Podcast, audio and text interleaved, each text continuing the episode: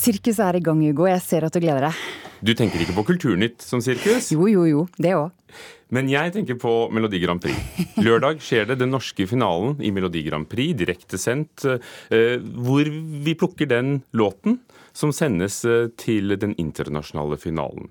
Konfetti, musikalsk trøkk og det hele. Men i år kan det bli ganske spennende og litt annerledes, eh, for de to artistene som kjemper om å, å være favoritt, er temmelig ulike. Jeg har aldri stått på så stor scene før, for å si det sånn. Det er jo helt sjukt. Jeg gleder meg. Jeg tenker at det her må bare bli så sjukt gøy. Se så mange det er plass til her. Vidar Villa og Rebekka Thorsen titter inn bak scenen i Oslo Spektrum for første gang. Der er riggingen i full gang til lørdagens norske finale i Melodi Grand Prix. De to er favoritter til å stikke av med seieren i hver sin leir. Vidar Villa har blitt spilt flest ganger hos strømmetjenesten Spotify siden de ti finalistene ble presentert for sju uker siden. Rundt én million ganger har noen hørt melodien om forelskelsen i kameratens mor. Jeg vil ha moren din. Jeg vil ha leppene hennes mot mitt kinn. Det er det å klare å liksom ta det med ro sier Vidar Villa om å forberede seg til finalen med favorittstempel. For det er jo, det er jo mye som press og mye liksom nerver involvert og sånne ting. Men for min del også så er det det å liksom forberede seg på um, selve den, den låta som vi har. Går liksom litt utafor mitt register. Eh, litt vanskelig å puste på, så er det liksom veldig mye forberedelse på å få den sangen til å liksom sitte ordentlig godt også, da. Men de utenlandske veddemålsbyråene gir også ofte en pekepinn på vinneren. Her er favoritten i en helt annen sjanger, nemlig Rebekkas kraftfulle ballade, skrevet av tidligere MGP-vinner Kjetil Mørland.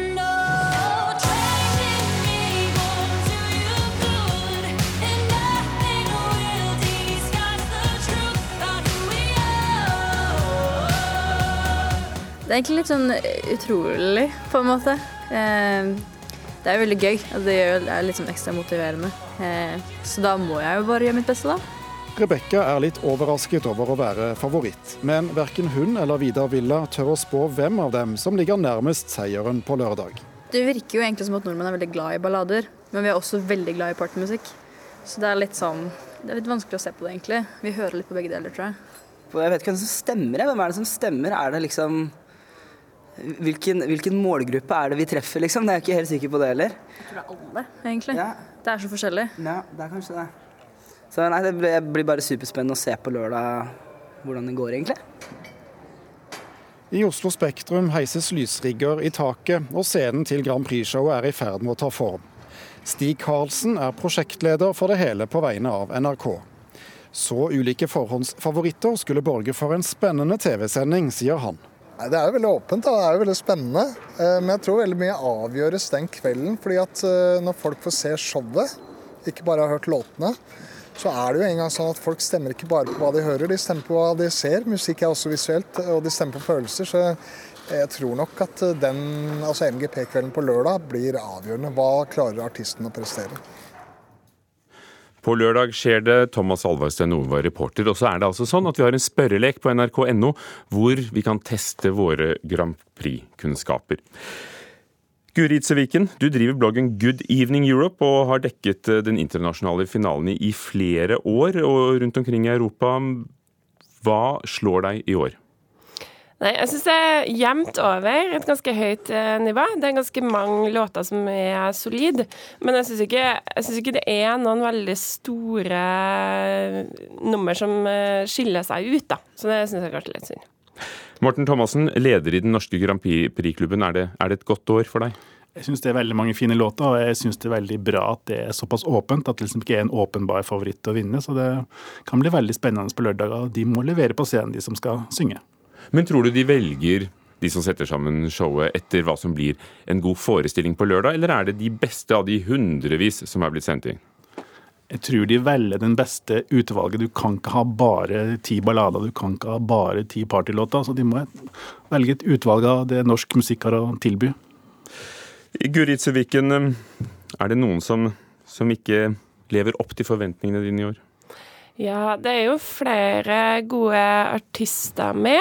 Annet Ida Maria, som hadde Jeg syns jo hun er en veldig kul eh, dame, og hadde jo stor trua på henne. Og hun er med altså med Scandilove. Skal vi bare høre et lite øyeblikk her? Ja.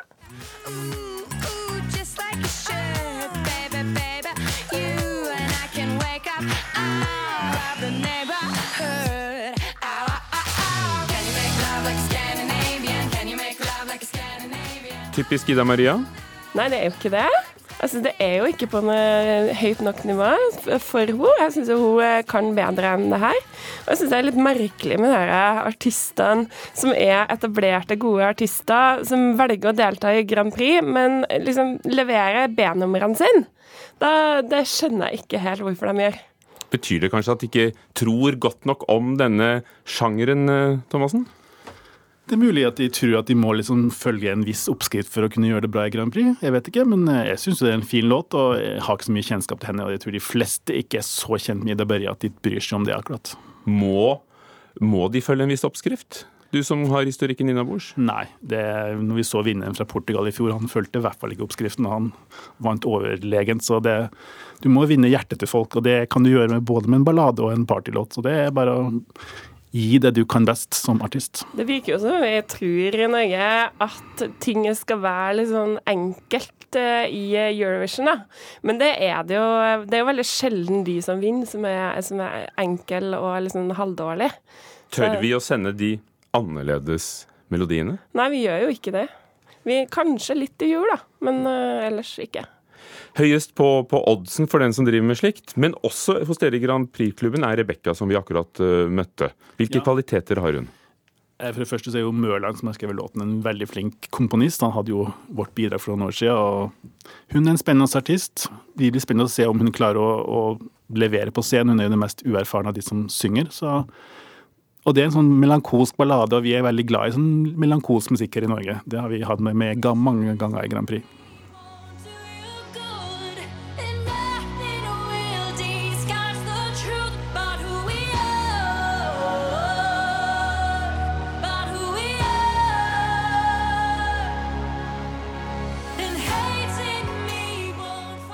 Hvem vi er, who we are. Er det, er det typisk norsk? Kunne det vært fra hvem som helst? Ja, det er jo kanskje litt sånn klassisk Eurovision-ballade, da. Men den er veldig godt skrevet, helt enig i det. Jeg syns Kjetil Mørland er god på å skrive sånne typer låter. Og uh, det er ganske få eh, ballader med internasjonalt så langt, så jeg tror at den kan skille seg ut i Lisboa. Er det noe som um, kjennetegner Eurovision Song Contest-melodiene nå? Er det en sjanger, eller er alt lov etter Portugal i fjor? Nei, altså Det som kjennetegner de som vinner, er at de klarer å levere en helhet på scenen. Altså du, det showet, det, hva de har på seg, hva de gjør, sangen. Alt som du ser på TV gjør inntrykk, og det er det som gjør at du vil stemme på det. det så det er liksom det er like mye visual song contest som det er Eurovision og song contest. og det, Du må levere på scenen, du må gi et budskap som folk tror på, uansett om det er sterk ballade eller bare party-party. Du må liksom få folket med deg. Hva er det Guri Tsiviken, som tydeligvis bergtar deg med Eurovisjonens melodikonkurranse? Jeg syns det er en fantastisk eh, pakke. Det er jo en fantastisk show. Folk er veldig engasjerte, og det er en veldig god samling av Europa i, i eh, noe som ikke nødvendigvis er så alvorlig, men, eh, men veldig gøy, da. Og det liker jeg. Din favoritt? Min favoritt i den norske er i år igjen Alexander Wallmann, egentlig. Jeg syns han har den beste låta nå også. Og jeg håper at han vinner og kan delta en gang til. Det er jo veldig skummelt å delta eh, igjen som artist, og det har jo kanskje Alexander Rybak eh, brent seg litt på, fordi da har jo folk høyere forventninger. Men Alexander Rybak, nei, Alexander Wallmann leverer. Så det er jeg glad for. Talk, talk, talk, talk.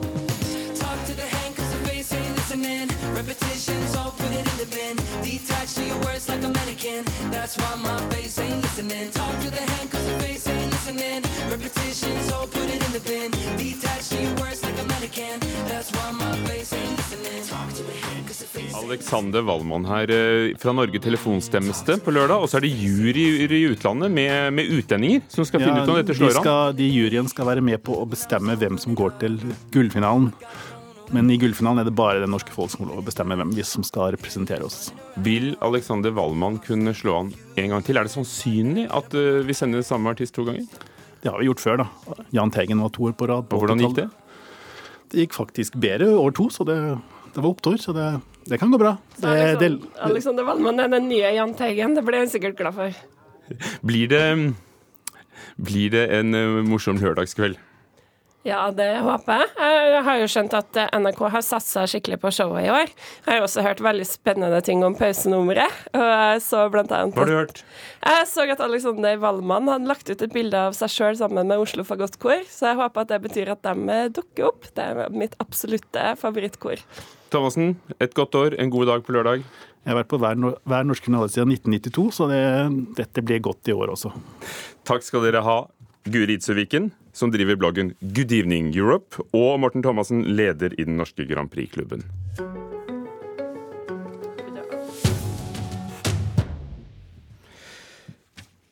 Fredag ble det kjent at forfatteren Ari Behn og TV-kanalen TV3 krangler om den nye dokumentaren Ari og halve kongeriket, som har premiere førstkommende torsdag. I VG i dag går Behns kjæreste ut mot eh, kanalen, og kulturreporter Caroline Tolvsen, hva handler konflikten om? Denne dokumentaren følger da altså Ari Behn etter hans skilsmisse fra prinsesse Märtha Louise, og VG skriver i dag at filmskaper Katarina Gelein Viken har fulgt ham i en rekke private situasjoner, og at seeren innvies i hans helseproblemer. Og Behn skal ha sett første episoden for gjennomsyn og ombestemt seg, og han vil nå ikke at den skal sendes. Dette skriver VG, og det er faktisk førstesiden til Verdens Gang i dag. Hva sier Ari Behn selv? Han har ikke gitt noen kommentar eh, i denne saken, eh, men Bens manager sier derimot at eh, dette ikke er noe PR-stunt, men at det viktigste for ham er at det kommer tydelig frem at Ben og familien ikke står innenfor resultatet. Og kjæresten til Ben skriver i et innlegg i VG i dag at hun mener prosjektet burde vært lagt på is, og at dersom dokumentaristen hadde hatt det juridiske, etiske og moralske rammeverket på plass, ville aldri dette vært en konflikt. Det er harde ord, og, og den, eh, det leserinnlegget står på, på trykk i dag ved siden av hele dekningen. Hva sier TV3 og, og filmskaperen? Viken sier, til, eh, sier at verken TV3 eh, eller henne selv har godkjent at kjæresten til Ben skal se dokumentaren på forhånd. Ja, og hun sier også at hun synes det er rart eh, at hun skal si at han ikke burde vært filmet, når han selv sa ja til å filmes i et sårbart år.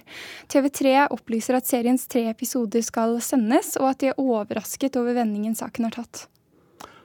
Og nå skal vi høre en veldig kjent og for mange kjær stemme i en veldig kjent rolle. Jeg er skyldløs. På offerpynten kan jeg bevise, jeg. Jeg sto med mynten sjøs får en aldri være seg selv. En får følge de andre fra dekk til hvelv. Slår hevnens time for båtsmann og kokken, så havner jeg saktens i vasken med flokken. Vi tenkte vi skulle runde av med noen ord fra Per Gynt av Henrik Ibsen, fremført av Toralf Maurstad her i Radioteatret. Toralf Maurstad gir seg ikke som Per. Nei, det gjør han ikke. 91 år gamle Torald Maurstad skal spille Per Gynt i høstens hovedsatsing på Det Norske Teatret, skriver Dagbladet. Og da han mottok Hedda-prisen i fjor, så uttalte han til Dagbladet at han ikke gir seg før han bæres av scenen. Og Maurstad sier at han ikke kan få en bedre rolle enn Per Gynt, og at energien fra publikum når han står på scenen er helsebringende. Toralf Maurstad, 91 år. Per Gynt å se på scenen om ikke så lenge. Takk skal du ha, Karoline Tolsen. Det var Kulturnytt. Jeg minner om at på nrk.no så ligger altså denne spørreleken, quizen, om Melodi Grand Prix, hvor det går an å teste sine egne kunnskaper. Ville vi bestått, Ida Krid? Jeg vet ikke, men jeg lurer på om det er helsebringende for oss å stå her og snakke på radio nå, jeg. I tillegg, altså, som Hvordan kom du på det? Nei, det var Merstad som sier at det er helsebringende for han å stå på scenen. Håper det er det samme for oss. I dag starter den amerikanske utenriksministeren Rex Tillerson en rundreise på det afrikanske kontinentet. Det er det mange som har forventninger til, skal vi høre etter eh, Dagsnytt.